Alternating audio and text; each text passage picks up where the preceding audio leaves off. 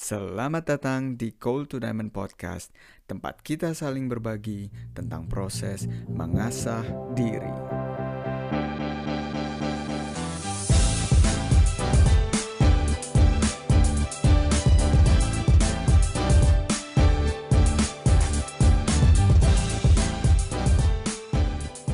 Yes, halo semuanya. Balik lagi bersama gue Bayu Prihanito di Call to Diamond Podcast. Hari ini gue kedatangan seorang tamu yang spesial karena um, he's like dia salah satu dari one of my day one. Jadi perjalanan uh, perjuangannya di Jerman itu like lumayan mirip dengan perjuangan gue.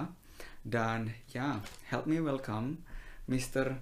Hussein Yusuf. Klep, klep, klep, klep, klep, klep, klep. Yes. jaga jarak, jaga jarak, covid, covid. ya bro, mungkin buat pendengar setia Call to Diamond Podcast, mungkin lu bisa memperkenalkan diri lu dulu. Sejak kapan lu ada di Jerman? Terus apa yang lu lagi kuliahin sekarang? Dan posisi lu, kuliah lu udah sampai sejauh mana? pendengar setia ya Setia anjing. Iseng banget nih orang anjing. kalau pendengar setia kan mestinya ya anak-anak Jerman juga ya Kita sudah, sudah mengenal satu sama lain gak sih Gak apa-apa, gak apa-apa, gak apa-apa. Oke oke Em, ya nama gue Husin terus em, gue kuliah di sini sejak 2009 Hmm. bachelor terus sekarang lagi master dan ya lagi nulis skripsi gue yang terakhir Skripsi lu master, terakhir. ha. Hmm. Yang lu kuliahin tuh apa sih? Apa? Em, gue kuliahnya S1 nya mesin Hmm. S2 nya gue ganti ke arah production jadi teknik produksi dan logistik Hmm. Jadi lebih ke arah eh, gimana sih gue ngebikin supply chain management yang bagus terus dan gue mesti lihat aspek eh, gimana dia produksi di lapangan Hmm. jadi sebenarnya ba- basisnya juga dari mesin makanya gue S2 lebih pendalamannya ke produksi dan logistik itu Oke, ada ini apa namanya base dari lu milih itu apa karena emang Ryan interest atau kayak there's a bigger picture behind it gitu loh yang lu pengen pengen dalemin dari situ. Pertimbangan lu apa gitu waktu lu? gue nggak itu? cocok aja sih mesin bukan mesin tuh bukan ternyata yang bukan yang gue mau terlalu dalam Oh ya. mesin tuh menarik Hmm. itu salah satu alasan gue kenapa eh, bachelor gue um, masih bau tapi habis itu semakin dalam gue kelamaan di situ terus gue nyadar gue bukan eh, pure insinyur buat mesin doang Hmm. karena buat gue kayak terlalu membosankan maksudnya sebenarnya tuh menarik tapi buat orang-orang kan beda-beda ya nah buat gitu terlalu membosankan dan- Takut dihujat. ya enggak maksud gue emang sebenarnya menarik kalau enggak ya maksudnya di Jerman banyak banget kan lulusan Iya, iya. engineer mesinnya tapi ternyata ada juga hal-hal yang lebih menarik buat gue yaitu di production dan uh, logistik ini Hmm. dan di Jerman juga logistik kan salah satu dia dia pemain logistik apalagi inter intra logistik ya maksudnya logistik di dalam uh, gedung sendiri Hmm. dan supply chainnya satu terbesar di dunia yang paling gampang kita lihat kalau contohnya satu dunia itu apa DB Schenker Hmm. dia kan pengiriman satu dunia sekarang hampir semua barang-barang pengiriman apa freight kargo kapal pesawat Hmm. semua kan DB Schenker juga satu pemain utamanya ya walaupun ada juga masih banyak juga yang dari misalnya dari US kayak ada UPS kan juga satu pemain besar Hmm. ya dan ternyata menarik banget Hmm. Hmm. dan Jerman sendiri punya teknik buat di gudang logistiknya intralogistik. Intralogistik artinya teknik di dalam gudang ya. Hmm. Nah, in- itu banyak banget. Kayak sekarang kalau kita lihat semua tuh udah otomatis. Kalau lu ke gudang-gudang lu nggak ngeliat orang mondar mandir aja ngambil. Ya nggak kayak zaman dulu lah. Ya oke tergantung gudangnya ya tapi ya. Maksudnya kalau gudangnya yang udah modern dan barang-barangnya pun yang udah ada misalnya kayak barang-barang spare part mobil kan orang udah nggak ngambil ke dalam ngambil masing-masing spare part kan berat-berat sekarang udah pakai robot semua Ya, ya. Berarti itu ini kali ya apa Warren Wirtschaft System Unter dem Begriff bukan sih? satu di dalamnya juga termasuk itu Hmm. jadi ntar lu pas udah di kuliah itu lu mau dalamin lagi ke arah mana dan banyak banget jadi Karena itu juga menurut gue sebelum gue gawe, gue nggak pernah kepikiran tentang tema logistik ini kan gitu kan. Karena gue gue lulusan recycling, ya logistik tuh bukan bukan bir gue lah gitu. Tapi begitu gue gawe, itu ternyata tuh sangat penting tentang Warren Wirtschaft System ini karena basically apalagi kalau keluar masuknya barang tuh like setiap hari gitu kan ya. Hmm. Jadi gimana lu Airfasten, gimana lu masukin datanya supaya lu bener-bener bisa tahu is zustand lu sekarang ini ada berapa dan itu harus ada em, itu harus apa namanya? ada spendingnya Iya, dan, dan lu juga harus bisa percaya data yang ada ini gitu loh. Karena kalau enggak ya buat apa juga gitu lo ngelakuin semuanya ini kan. Hmm. Nah, em, balik lagi ke pernyataan lu bahwa di saat lu melakukan teknik mesin, lu find out bahwa itu bukan bukan ini lu ya, bukan apa namanya, lu nggak terlalu interest sehingga lu ingin mendalami itu lebih jauh lagi. Gue probably bisa relate dengan itu, but in different way, in a different level probably juga. Kalau boleh tahu di proses di bachelor lu itu tuh lu sadarnya tuh di air di awal-awal, di tengah atau di akhir. Langsung pertanyaan keduanya, what makes you decide bahwa lu tetap harus ngelarin S1 ini dulu sampai habis gitu. Karena ya banyak juga yang kita tahu gitu ya. Hmm. Cases dari teman-teman kita yang emang kalau apa namanya? Oh ini gue nggak enjoy, jalan, ah, tengah-tengah jalan gue berhenti gitu, gue gua ngelakuin yang lain aja deh gitu gitu. Itu kalau dari story lu gimana? Em, kalau gue mungkin lebih di belakang jadi gue kan sempat praktikum di Indo. Hmm. Em, dan itu sebenarnya jadi gue sempat kalau di Uni Hannover kan ada dua kali praktikumnya. Jadi sebelum kuliah sama pas di tengah-tengah kuliah mau akhir. Hmm. sebelum kuliah ya gue praktikum juga itu kan gue bikin di Indo karena di Indo tuh eh, dibayar walaupun kecil. Di sini juga dibayar tapi terlalu kecil. Jadi waktu gue pikir dan keluarga gue udah bilang ya udah mereka udah tahu sistemnya Jerman karena mereka dulu pernah di Jerman. Lu bikin aja dulu di Indo di perusahaan. Ya udah dan itu ya kerjanya jadi tukang maksudnya ya kalau misalnya anak mesin pasti tahu yang ngebubut, ngelas, nge-freeze. Sorry gue potong di Indo gajinya lebih gede daripada di sini. Bukan gaji lebih gede. Kalau di Indo lu kan masih tinggal sama orang tua.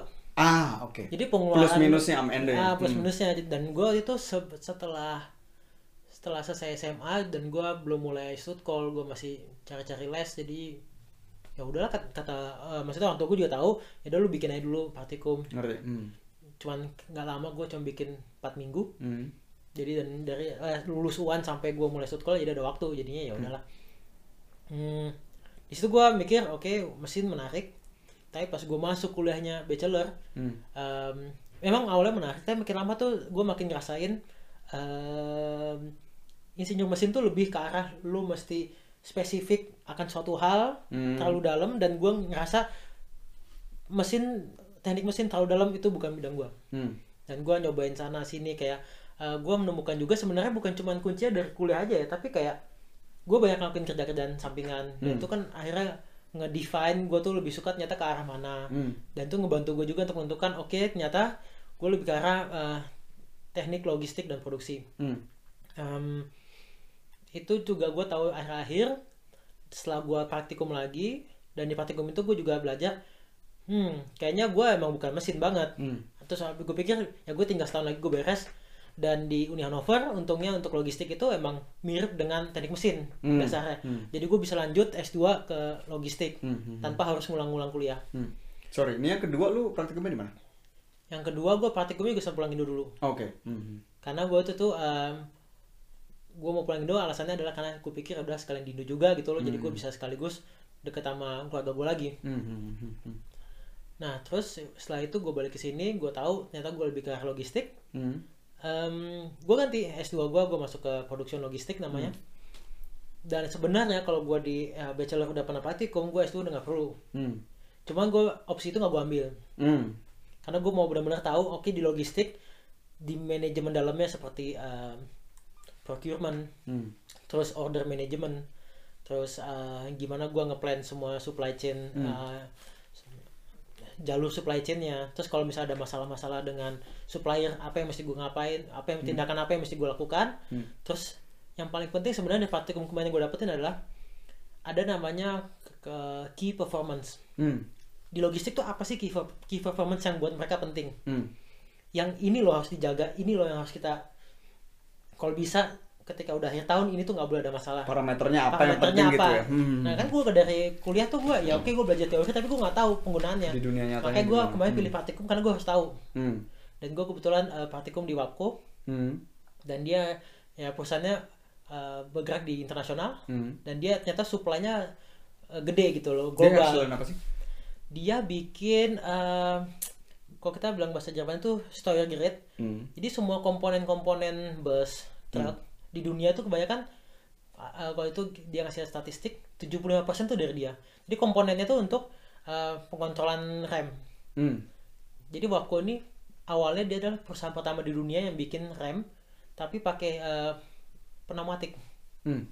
jadi pakai udara Hmm. Hmm. Hmm. sistemnya tuh dia yang bikin terus makanya dia habis itu ngembangin itu dan dia nge-supply ke semua ke bus truck jadi mainly uh, customer mereka pun ya di bidang perusahaan yang uh, bikin truck dan bus kayak MAN Hmm. uh, terus VW juga ada yang bikin VW bus Hmm. terus Daimler itu maksudnya customer gedenya ya Hmm. Kunde-kundenya. Hmm. ya dan banyak eh, dari situ gua tahu logistik tuh ternyata gue pikir dulu kan kalau kita di Indo mikirnya logistik tuh apa sih orang jadi tukang kayak mikirnya cuma ya udah beli jual Hmm. yang penting tapi ternyata tuh lebih Kurir gitu kan dulu kurir mikirnya kan. Hmm. maksudnya buat gue dulu tuh hal yang simple logistik nggak kepikiran gitu Hmm.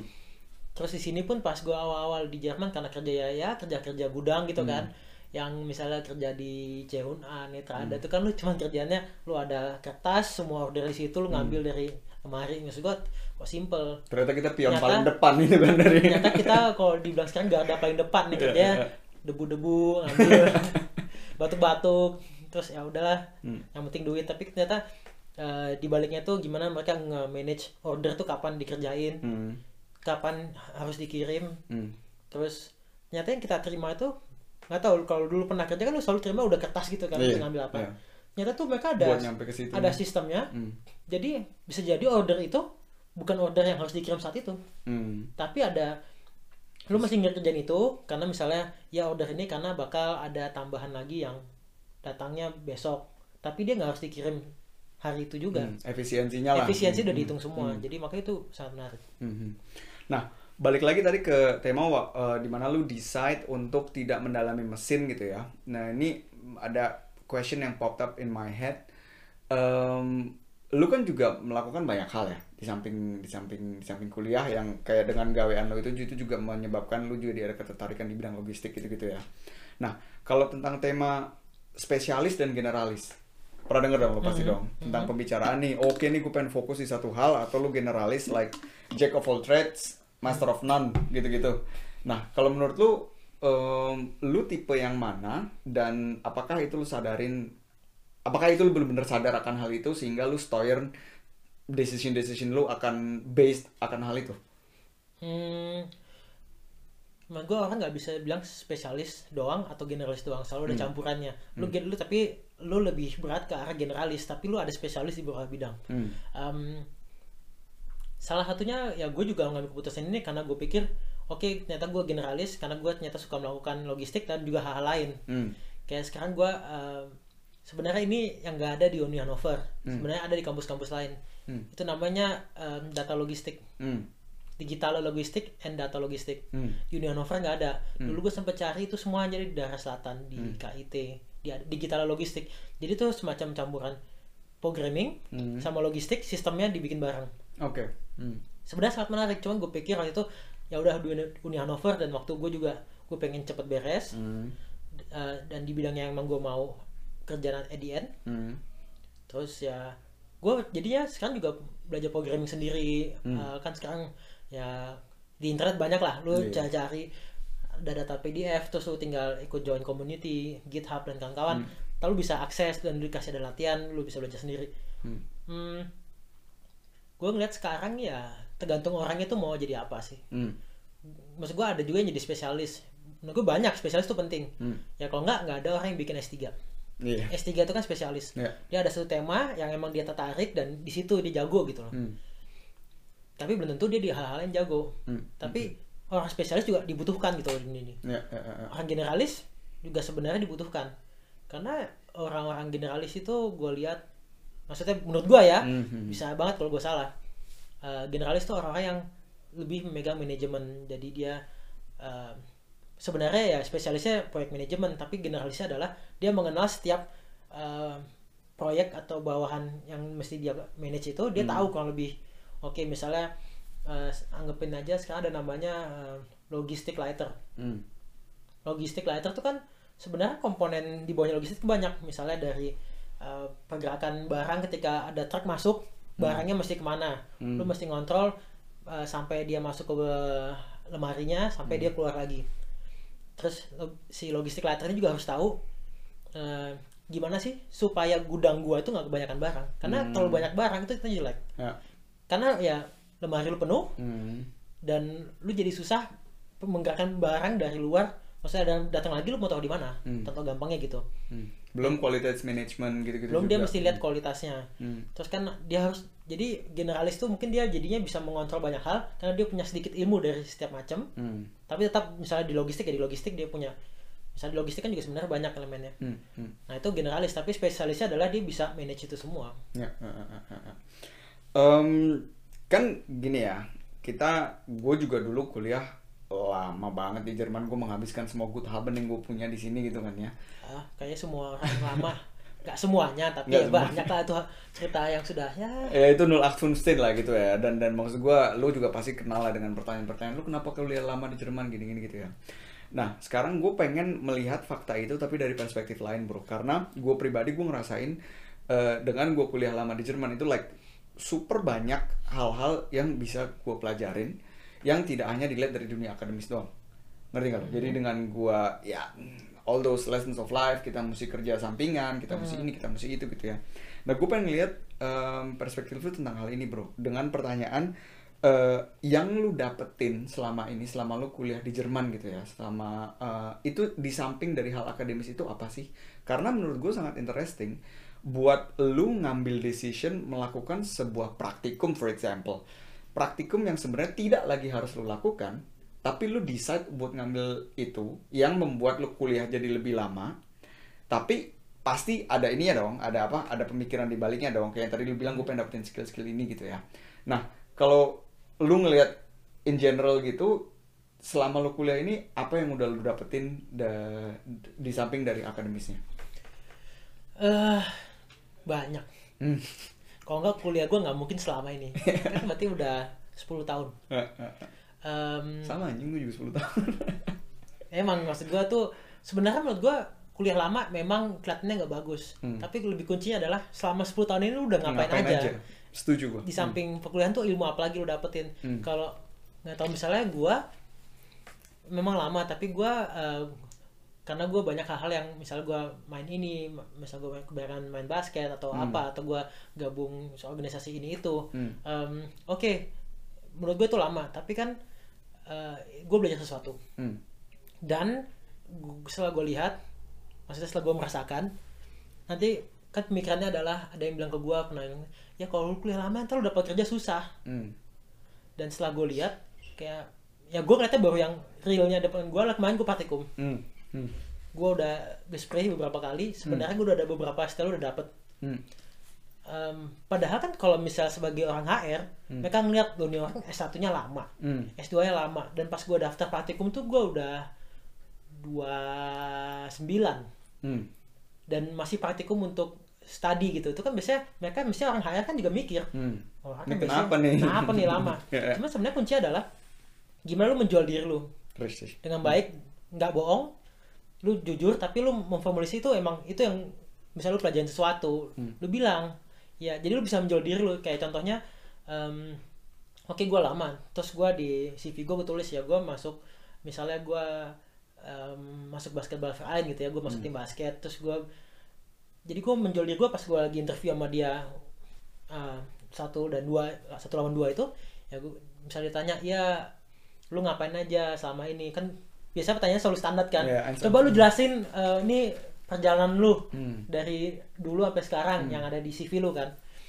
Dan gue di situ kuncinya lu harus bisa menjual. Kayak gue menjela- dia kan bilang gue bilang ya gue kuliah.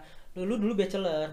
Terus eh, setelah ini dibilang ya setelah 2000 sekian lu ganti production logistik. Lu bisa jelasin nggak kenapa? Hmm. nah itu kan sebenarnya dia pengen lihat kita tuh kayak gimana orangnya. Hmm. Nah di situ baru buat gua itu adalah cara mainnya. Jadi abis itu gue jelasin, ya gue pertama kali ke Jerman, gue orang asing dan gue kuliah. Jadi buat gue Jerman awal susah. Hmm. Makanya kalau lu lihat, ini gue bilang ke dia Hmm. dalam masa Jerman, bener gue bilang, lu lihat emang bachelor gue lama. Hmm. Gue ngabisin 7 tahun, Hmm. 7 tahun setengah. Tapi di situ gue belajar bahasa Jerman pertama-tama gue adaptasi dengan kulturnya Hmm. terus gue mulai cari teman terus gue tuh ikut uh, basketball uh, tim basket Hmm. juga untuk cari teman mengenal orang Hmm. jadi gue gue bilang gue butuh waktu lama gue butuh waktu Hmm. untuk adaptasi karena gue mau gue mau kalau gue lakukan sesuatu gue ngerti gitu loh Ya. jadi bukan cuman gue datang gue belajar terus gue pulang Hmm.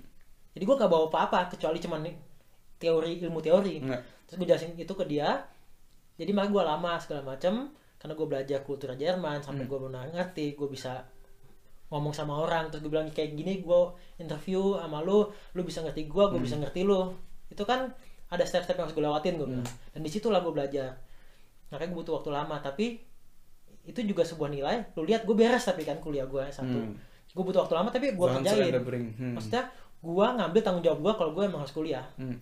dan gue beresin Hmm. habis itu gue lanjut lagi kayak kan gue lanjut S2 terus gue ceritain kurang lebih kenapa gue ngambilnya ganti production logistik Hmm. karena tuh buat mereka juga menarik ini orang kenapa nih dia ber- cara berpikirnya tuh logikanya gimana Hmm. kan dia itu yang mereka pengen tahu terus ya gue jelasin lagi seperti tadi gue jelasin lo Hmm. Um, jadi gue melihat logistik itu penting salah satu kunci juga di dalam produksi apalagi efisiensi Hmm. dan sekarang kan uh, kalau di logistik tuh ada istilahnya lean management Hmm. tapi sebenarnya semua juga ada Hmm. dan itu kan yang lagi ditarget semua orang ya Hmm. nah dan itu kita bisa ngejelasin kita men- pokoknya harus jelasinnya masuk akal Hmm. Ada dasarnya Nggak. kenapa dan kita bisa menjual kenapa kita ikutan misalnya gue nulis dia eh, nanya kan oh lu ada pengalaman kerja misalnya gue tulis juga gue pernah kerja di eh, tukang parkir di Hmm. Mesa kan gue itu sama teman-teman gue kita lima enam tahun enam enam tujuh tahun gue Hmm. kerja tukang parkir tuh bareng-bareng adalah dua teman gue tuh yang emang kita selalu eh, parkir bareng Hmm. Ada yang bapak yang bilang ngapain lu masukin kerjaan lu tukang parkir ke dalam CV lu Yang tidak relevan gitu kan. tidak relevan sama Hmm. kerjaan lu memang awalnya gue pikir lu bener juga Hmm. emang gak relevan kayak lu kerja mau kerja misalnya di kantor yang lu manage apa hubungannya tukang parkir Hmm. ini tapi gue masukin karena emang itu gue sudah pikirkan itu nanti bakal jadi ketika dia bertanya oke kerjaan lu lu ngapain Hmm. nah gue bilang ya salah satu poin misalnya kayak gue kan di bidang eh, kemarin gue di procurement itu di logistik Hmm. kan gue harus banyak kontak sama supplier Hmm. dan supplier ada yang, ada yang eh, di Jerman ada yang di internasional Hmm. dan gue harus bisa eh, ngomong sama mereka eh, telepon gitu-gitu dan Hmm. gue bilang gue udah biasa kontak sama orang yang internasional apa pun Jerman Hmm. kalau lu cuma ngomong kayak gitu ya mereka kan cuman oke buktinya apa, Hmm. ya udah terus habis itu ya untuk membuktikan ya makanya gue tulis itu gue kerja parkiran gue udah biasa ketemu customer yang, yang penting kan ketemu orang ya Hmm. terus gue udah biasa ya gue gue tengah parkir ngejual tiket Hmm. Hmm. terus misalnya eh, si yang mau bayar juga nggak seneng kan kenapa ini mahal banget bla bla bla ya standar lah ya Hmm. ya kan kita masih bisa diskusi sama dia Hmm. kan kuncinya di situ Hmm. menemukan diskusi itu menemukan jalan tengah Hmm. kalau di parkiran mungkin lebih simpel antara lu bayar parkir enggak ya lu cabut aja Hmm. cari yang baru pak Hmm. tempat lagi tapi maksudnya kan di situ kita ada diskusi dan gue bilang ke gue ya gue belajar diskusi sama orang gue bisa pakai bahasa Inggris karena biasa kan Hanovernya eh, apa Hanover biasanya internasional Hmm. Hmm. gue bisa bahasa Inggris gue bisa bahasa Jerman Hmm. dan gue bisa diskusi sama orang untuk menemukan jalan tengah Hmm. which is sebenarnya itu skill penting kalau lu di procurement karena procurement kan ngomong sama supplier Hmm. terus lu tiba-tiba ada orderan oke gue misalnya minta apa ya susu 100 box Hmm. supplier lu nggak punya 100 box punya cuma 70 Hmm. Nah terus kita mesti diskusi sama dia oke gimana caranya supaya kita bisa uh, memenuhi 100 box ini Hmm. kalau dia cuma punya 70 mungkin kita diskusi oke mungkin lu punya nggak uh, supplier Subunternehmen. subunternehmen kayak kadang-kadang supplier punya bawahan juga Hmm. yang bisa supaya dia kan kayak gitu-gitu kan penting ngobrol sama orangnya diskusinya itu Ya, ya, ya. Itu ini sih, menurut gue itu satu eh, satu perspektif yang interesting juga gitu loh. Karena gue juga di dunia kerja ternyata gini bro. Karena gue dulu ada di posisi di mana gue juga banyak hubungan sama eh, personal Abteilung. Ternyata em, gue juga tadinya mikir anjing ini gue gimana ya mem memverteidigen atau merechtfertigen kuliah gue yang lama gitu kan ya. Nah ternyata fakta bahwa kita adalah seorang asing yang ada di Jerman dan kita datang ke interview dan bisa bahasa Jerman dengan baik. Nah makanya ini gue juga pengen uh, andoin lagi ke teman-teman yang mungkin sekarang lagi kuliah di Jerman gitu ya. Bahasa Jerman tuh super sangat penting. Nah gue gue jadi bisa eh, apa namanya kita tuh jadi bisa kalau kita datang ke sana dengan mindset ini yang gue percaya ya Hmm. dengan mindset gue punya gue bisa ngomong ini gue lama nih tapi gue Glycity gue juga waktu itu nulis misalkan gue jualan popcorn di Disney on Ice inget gak lu? kita Hmm. waktu itu kan pernah bareng ya nah sama kayak lu itu kan dengan kita ada di situ kan pasti dipertanyakan dong karena mencolok kan Hmm. Nah, begitu itu menjadi bahan pertanyaan, gue bisa masukin eh, aussage, iya, gue tahu gue chill gue apa yang mau gue raih. Gue mau kuliah di Jerman, tapi gue harus membiayai hidup gue sendiri. Dan gue siap untuk melakukan apa pun untuk gue bisa meraih cile gue. Ya. Yang lu memberikan kepada si entertainment atau calon gastgeber ini, lu akan memberikan em, kesan ya lu mau usaha gitu dia siap untuk doing the dirty work Mm-mm. ngerti nggak lo kayak gitu-gitu tuh itu yang menurut gua penting buat di ta- diketahui buat orang-orang yang juga lagi daftar kerjaan gitu loh karena banyak banget bro orang yang eh, kuliahnya udah lama gitu kan ya terus begitu mau daftar kerja panik lagi gitu loh. Ngerti lo panik lagi nih anjing nih gimana nih gua mempertahankan eh, history gua gitu kan. Jadi eh, dengan slide of em, gimana ya pers- pers- perspektif gitu ya lu bisa menjadikan itu juga sebagai weapon Ya, itu masih gimana ya, cara lu mau lihat diri lu sendiri aja sebenarnya kayak Hmm. em, oke misalnya gue 10 tahun gue nggak tahu sih gue nggak tahu di Indo kayak gimana eh, market pencarian orangnya ya Hmm. headhunter di Indo tuh gue nggak ngerti cara Hmm. mikirnya tapi kalau di Jerman at least gue udah pengalaman dan gue gue tau lah kurang lebih gimana Hmm. Eh, sebenarnya di Jerman kan umur tuh bukan faktor kuatnya Bukan. untuk lu dapat kerja apa Mm-mm. enggak Mm-mm. sebenarnya dia lebih ngeliat kayak gimana eh, ya makanya mumpung lagi di Jerman Hmm. lu gunakan lah kalau orang yang dalam lama kuliah itu gunakan ini kesempatan Hmm. dia ngelihat dari yang lu lakuin selama ini Hmm. kuliah dan di luarannya Hmm. apa yang lu pelajarin apa yang lu bawa Hmm. Dan itu yang mereka pengen lihat Hmm. karena kan sekarang dituntut semua orang inovatif Hmm. ya lu dengan melihat perspektif diri lu sendiri dari sisi lain gimana lu membangun sebuah em, apa ya sebuah gambaran tentang lu misalnya yang kayak 10 tahun terus bikin ini gambarnya di package-nya bagus Hmm. dan mereka juga mikir oh ini orang inovatif dia bisa mikir Hmm. Hmm. kayak oh ya ya benar benar jadi lu 10 tahun tuh nggak nganggap itu jelek banget tapi lu bisa bikin apa yang kelihatannya jelek dibikin bagus Riz, Riz. Itu kalau kata nyokap gua, kata banyak gua dulu bro, pinter tuh nggak cukup bro di dunia.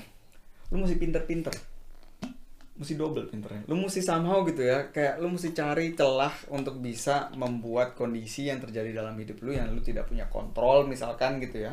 Lu harus buat itu menjadi eh, supaya itu tuh on your side gitu, loh. supaya itu tuh menjadi sebuah kelebihan lu gitu ya. Nah, tadi lu sharing, lu sekarang lagi di ngerjain tesis nih ya, masternya. Ya.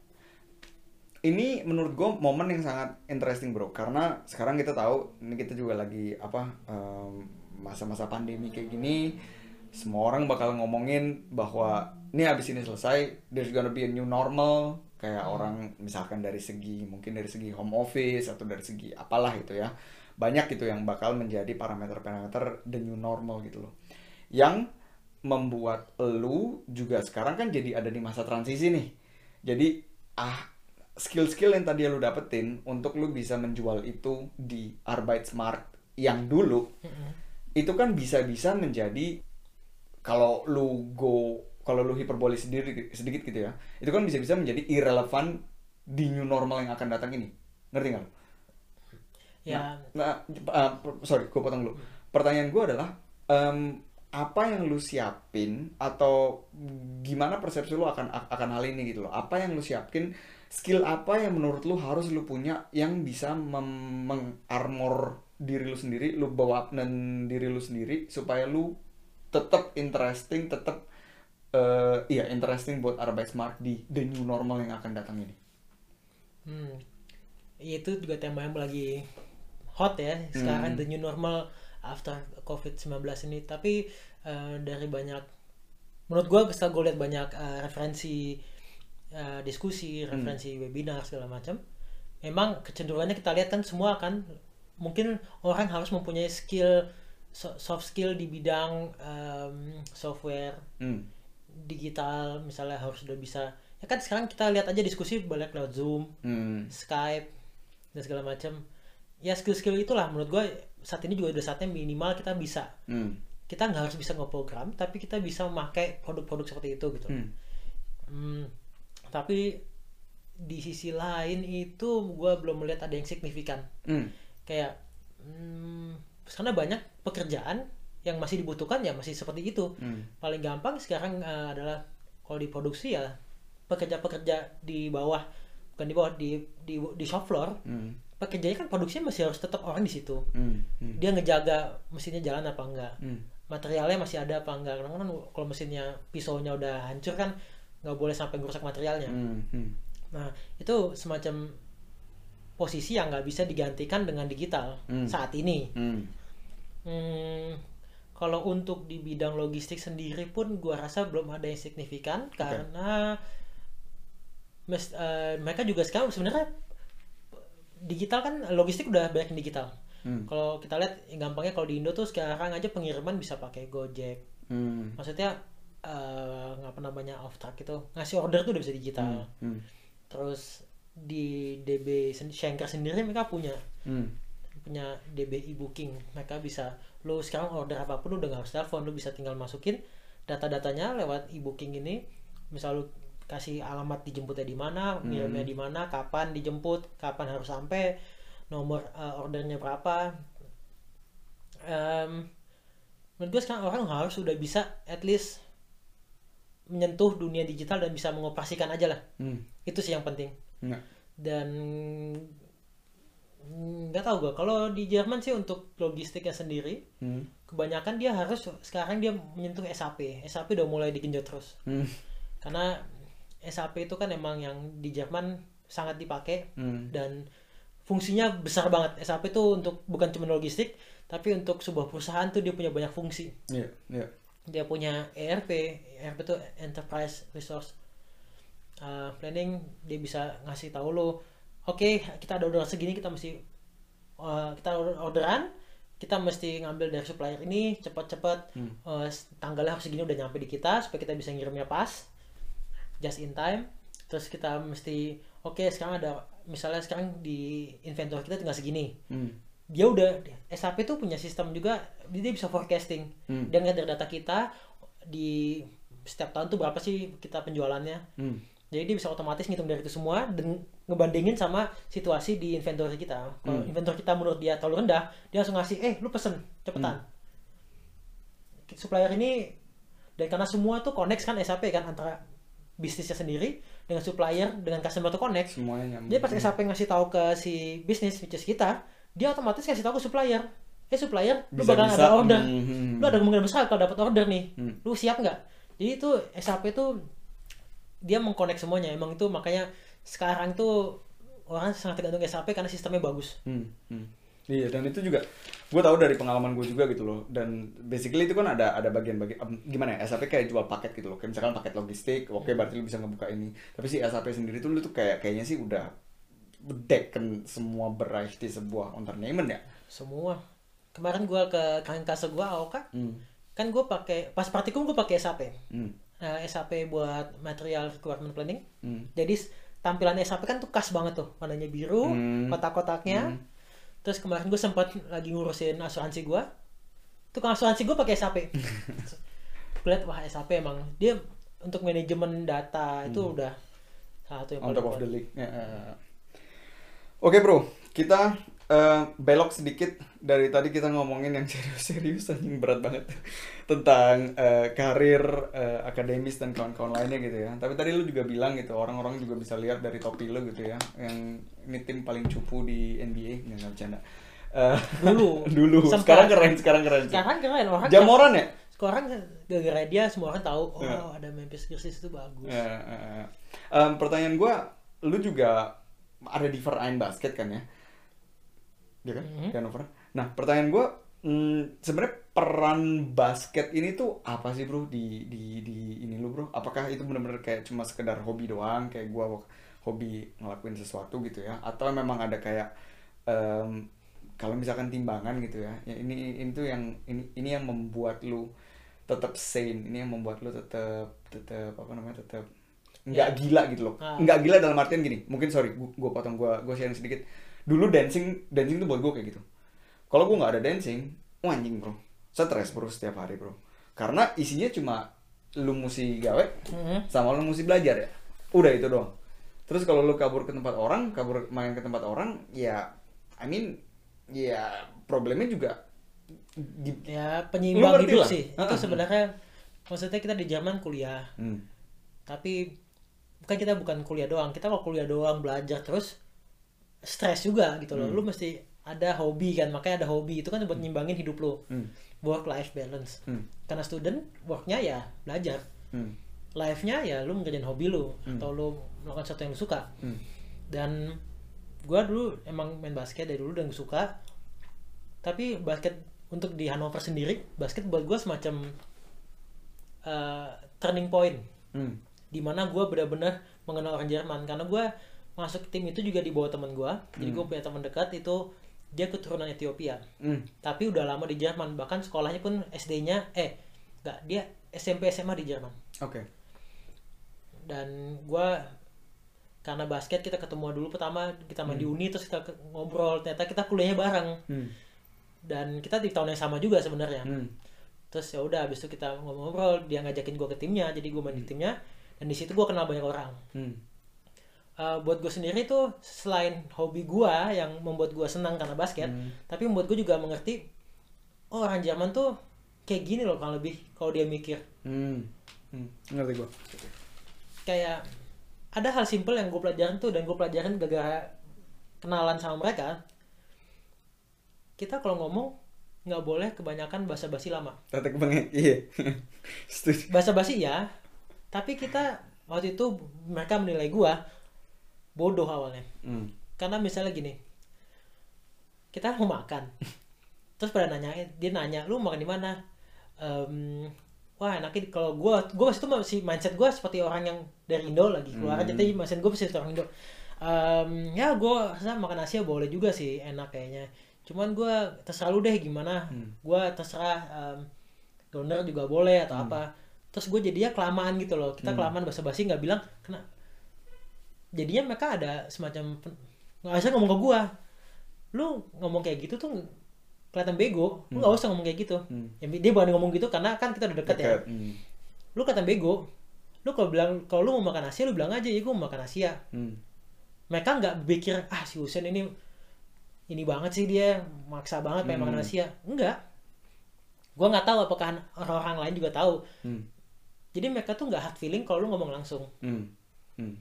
Kalau gue dulu gue tuh selalu takut karena kalau gue ngomong se- sesuatu terlalu direct terlalu direct akan suatu hal kadang-kadang orang ada feeling ih lu gitu amat sih. Hmm. Itu itu gue setuju 120 persen bro sama lo bro. Karena gue juga ngerasa itu adalah sebu ya gimana ya mungkin kultur Indo ya kayak gitu ngerti nggak lu? Jadi kalau gue ngerasa tuh kalau di Indo lu tuh kayak terlalu berbelit-belit lu tuh terlalu mengatasnamakan kesopanan ngerti nggak lu? Jadi lu berusaha untuk memformulirkan sebuah kalimat sedemikian rupa supaya sehingga tidak ada bagian yang terluka hatinya. Yang menyebabkan kalau sekarang lu ngedengerin orang ngomong di dalam sebuah acara yang formal gitu ya lu kadang-kadang lu jadi udah dua menit nih orang ngomong nih bro. Gak terus ada, lu gak ada hasilnya lama banget. lu jadi ini intinya apa bro ini ini mau ke mana gitu loh. Nah itu gue juga em, sama gitu loh.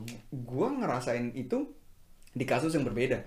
Gue dulu eh, work student ada di satu perusahaan lah. Hmm. waktu itu gue nggak supervise sih karena ya tipikal orang Indo juga gitu ya jam karet. Gue orangnya telat mulu. Diomelin gue sama bos gue diomelin. Nah itu gue sakit hati bro. Gue sakit hati karena seakan-akan oh, anjing ini orang ngomongnya direct banget ke gue gitu kan kayaknya gue besok dipecat nih gitu kan. Nah tapi orang Jerman tuh nggak kayak gitu bro. Dia ngomong ke masalahnya apa? Kalau lu ender masalah itu kalau lu loosen masalah itu ya udah. Nggak ada hard feeling sama sekali gitu loh. Ya ya udah gitu loh. Ini ada masalah lozungnya ini lozungnya dijalanin masalahnya hilang. Iya. Ya itu mas gue nggak eh, itu beda kultur aja sih hmm. gue nggak bilang kultur satu lebih baik daripada yang lain Hmm. karena itu kan kultur itu kan satu yang ya udah emang bawaan mendarah daging emang Hmm. terbentuk dari berapa rat- ratus ribu tahun yang lalu Hmm. Em, maksud gue adalah dari kita belajar hal kayak gini itu penting jadi supaya kita tahu kalau kita misalnya lagi em, sama orang Jerman kita tahu gimana cara nge-handle situasi Hmm. kita bisa react bereaksi sesuai emang yang benar dan kita bisa nyampein apa yang kita mau juga benar Hmm. kalau sama orang Indo kita juga bisa ikutan sama mereka kita ngerti karena terus kita juga ngasih eh, reaksinya yang benar gitu loh Hmm. maksud gua nggak ada yang lebih benar lebih baik cuman keuntungannya kita di Jerman kita kan belajar dua kultur dan kita bisa interaksi Adaptasi. Hmm. yang benar gitu loh interaksi kepada setiap orang yang benar Ya. Ya. sebenarnya itu sih kuncinya kenapa kalau lu di Jerman lu harus at least bergaul Hmm.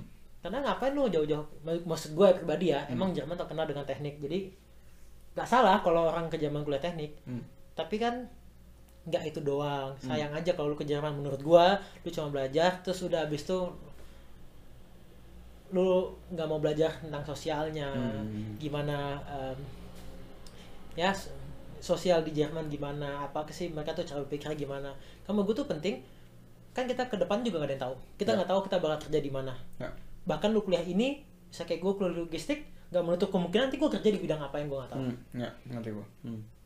tapi kan lu tetap harus ada kontak manusia tuh pasti Ya. kerjaan apa pun lu pasti ada kontak manusia Ya, ya, ya. jadi semakin lu tahu mengerti cara menghandle manusia-manusia ya lu sebenarnya semakin kaya dengan ilmu pengetahuan juga Iya, itu skill sih, bener sih, setuju gue sama lu. Gue juga eh, apa namanya tadi ada, gue nanti pengen perdalam itu gitu ya tentang tentang eh, selagi kita lagi di Jerman apa yang bisa kita lakuin gitu. Tapi gue juga setuju sama lu em, dengan gimana ya, dengan perbedaan kultur ini ya mm, tidak ada yang lebih baik, tidak ada yang lebih buruk. Lu kayak gini loh, kita tuh blessed kayak yang lu bilang, gue cuma pengen underline ini dong. Dengan kita mengenal dua kultur ini dengan dalam. Jadi lu kayak bisa ngambil yang positif dari setiap kulturnya. Karena nggak semua kultur Jerman juga bagus gitu loh. Kayak contohnya, I mean like kalau dari segi humor, Ya, aduh itu. kering banget kita gitu kan. kayaknya umurnya aduh Aduh crispy banget lah pokoknya kalau umur Jerman gitu. Tapi eh, tapi ya eh, dan kalau misalkan kalau yang gue tahu karena em, karena cerita pribadi gue juga gitu ya. Kalau misalkan eh, di dalam sebuah relationship gitu, Hmm. kalau orang Indo tuh kan momong banget gitu kan, sayang banget gitu loh sama pacarnya, care banget, terus nyiapin like small Oh, surprise. berarti lu kasih tahu lu gak disayang sama pacar lu. Enggak, enggak, enggak, enggak. Iya, iya, Enggak, iya. enggak. Yang mau gue kasih tahu adalah dengan gue acting biasa aja karena itu adalah st- norma standarnya buat gue gitu ya. Hmm. Itu tuh langsung cewek gue tuh ngerasa oh gitu banget gitu loh karena memang orang Jerman ya tidak ada yang bukan tidak ada ya mau terlalu ekstrim gitu jarang gitu loh yang yang menunjukkan kasih sayangnya in their art and wise gitu loh Hmm. nah, Ya beda aja sistemnya dan beda beda beda sih ya memang kita kan orang Indo lebih banyak apa ya kalau kekeluargaannya kan cukup tinggi Lebih kental. maksudnya gue lihat juga dari sosialnya Indonesia kayak lagi sekarang menghadapi covid aja Hmm. banyak orang-orang bikin inisiatif sendiri oke kita ngumpulin dana Hmm. kita bantu ini bantu itu maksudnya kan kelihatan mereka tuh sangat siap untuk membantu sesama gitu gotong royong ya gotong royongnya Hmm. kan kuat gitu loh Ya, ya. kalau di sini kan ya mungkin karena gue juga terlalu sedikit eh, research untuk hal itu Hmm. tapi misalnya gue ngelihat dari sekeliling gue terus gue ngelihat misalnya dari berita-berita Hmm. nggak nggak bantuan dari masyarakat sendiri tuh sedikit sekali Hmm. itu pun yang gue dengar cuma kayak ada beberapa yang gue dengar di Linden ada beberapa orang ngumpulin Hmm. buat ngejahit uh, masker kan tapi yang kayak bantuan bagi-bagi makanan. Kalau di Indo kan banyak tuh di Jakarta gue gue lihat terus di daerah-daerah kayak di Jogja Jawa Tengah gitu.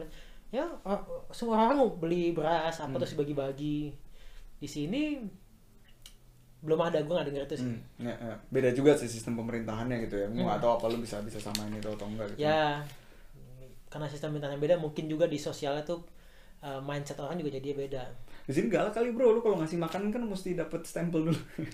Jadi lu nggak bisa Ya. main enakan jual kayak gitu aja juga di sini ya. Bukan jual, maksud gue bisa bisa ngasih sesuatu gratis juga. ya karena kan mungkin ya kalau yang tiba-tiba sakit gara-gara makanan yang lu kasih Tiba-tiba lu juga yang kena. yang kena malas juga kan Ya, ya, ya, ya. udah gitu didenda lagi pakai duit Iya, iya, iya, ngerti gue.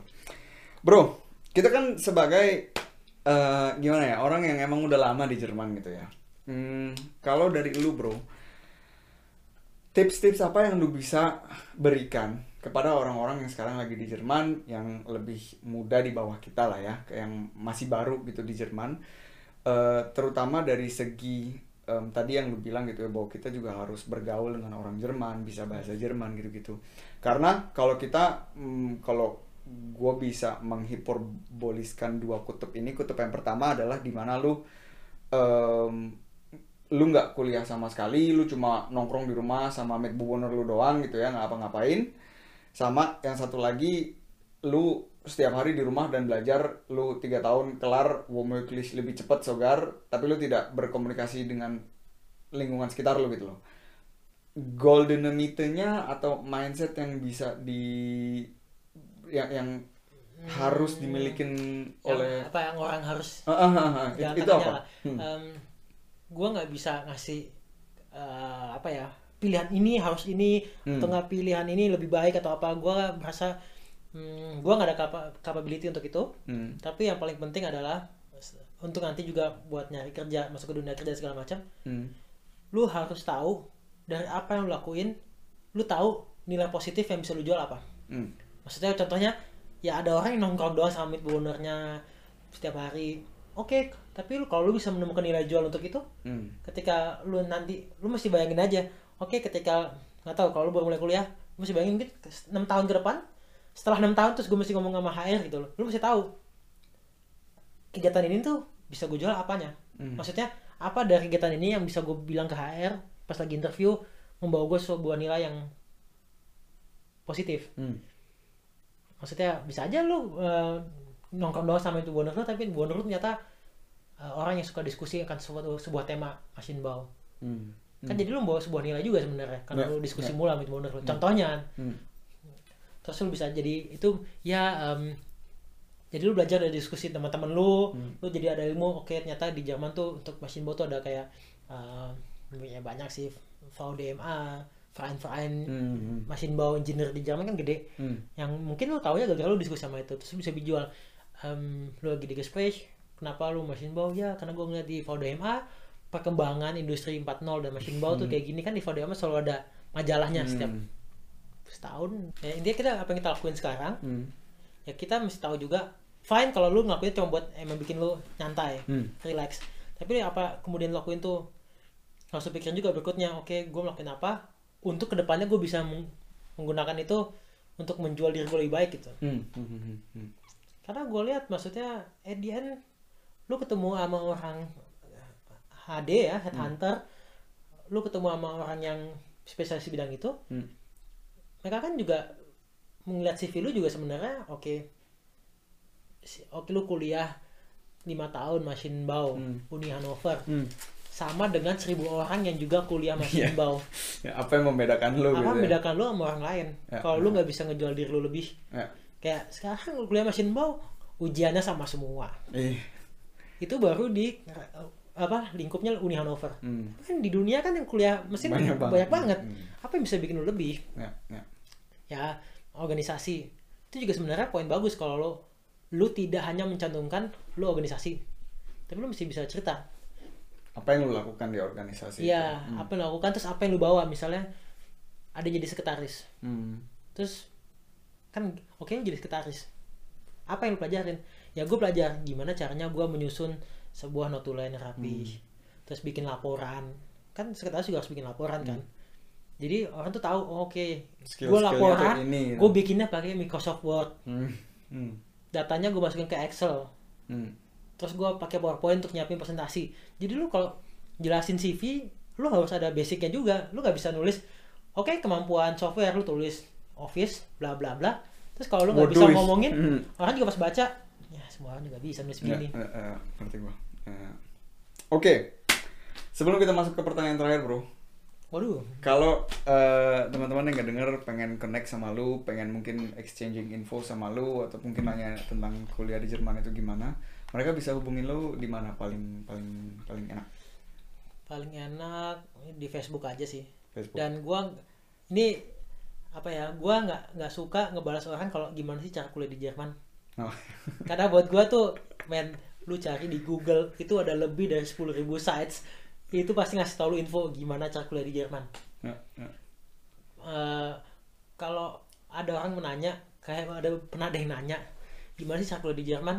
Itu waktu itu gue masih berpendapat oke lah gue baik gue bantuin orang. Gue kasih link. Hmm. link tuh udah gue kasih sedemikian rupa ini cara kuliah ke Jerman dan ngurus visanya Hmm. nomor satu ada linknya linknya kedutaan Jerman di Jakarta Hmm. itu kedua terus ada yang eh, si Uni Asis kan punya eh, ranking Hmm. Uni udah gue kirimin itu udah gue kayak 4-5 link yang emang menjelaskan Hmm. ya gue kan nggak mungkin ngejelasin detail dong ya Hmm. lu liat aja link itu udah detail Hmm. dia masih nanya lagi dong "Ehm, oh ya kak terus eh, untuk kuliah mesin bagusnya di uni mana ya wah Baca, Bro. itu linknya udah super detail kalau lu masih hidup kayak 30 tahun lalu internet susah. Mungkin gue masih ada empati ya. Cuma sekarang gue kayak men lu bangun pagi aja banyakan orang sekarang bukanya pertama lihat HP lihat internet sesuatu yang di internet. Ini lu tinggal cari. Ya ampun gue udah kasih lagi. Gue udah, gue udah kasih tuh ada listnya nih. Udah lu zerbiren nih semuanya Iya. nih. masih aja. Aduh makanya gue sekarang karena gue udah kayak gini maksudnya gue juga lagi sibuk dengan berbagai macam hal. Hmm. jadi gue pikir kalau pertanyaannya cuman gimana sih cara kuliah di Jerman Hmm. carilah sendiri Hmm. Oke, pertanyaan terakhir bro. Saat ini bro, mimpi terbesar lu tuh apa bro? mimpi terbesar gampang jadi orang kaya aja lah maksudnya eh, dalam Lu ngomong kaya ilmu gue geprek lah enggak dalam pengertian kalau gue misalnya eh, nanti gue mau apa Hmm. gue nggak harus uh, berpikir keras Em, Gue ya? punya atau enggak? gue punya atau enggak maksud gue gue pengen udah kaya itu artinya bukan cuman uang tapi gue juga kayak kayak pengetahuan umum gue Hmm. kayak gue uh, networking juga banyak gitu loh Hmm. maksudnya gue kenal beberapa orang gue kenal dan secara finansial juga gue udah stabil buat gue Hmm. sih itu udah cukup Enggak. Enggak, ya. Itu gua drop dir di Daumen buat tesis lu yang ini yang sedang lu lakukan ini. Semoga meskipun COVID ini akan berjalan dengan lancar. Amin. And yes, I think that's it for today. Thank you banget udah take your time buat ngobrol-ngobrol di Call to Diamond Podcast. Dan buat teman-teman yang udah ngedengerin, thank you banget. Um, I'll see you guys in the next episode. Peace.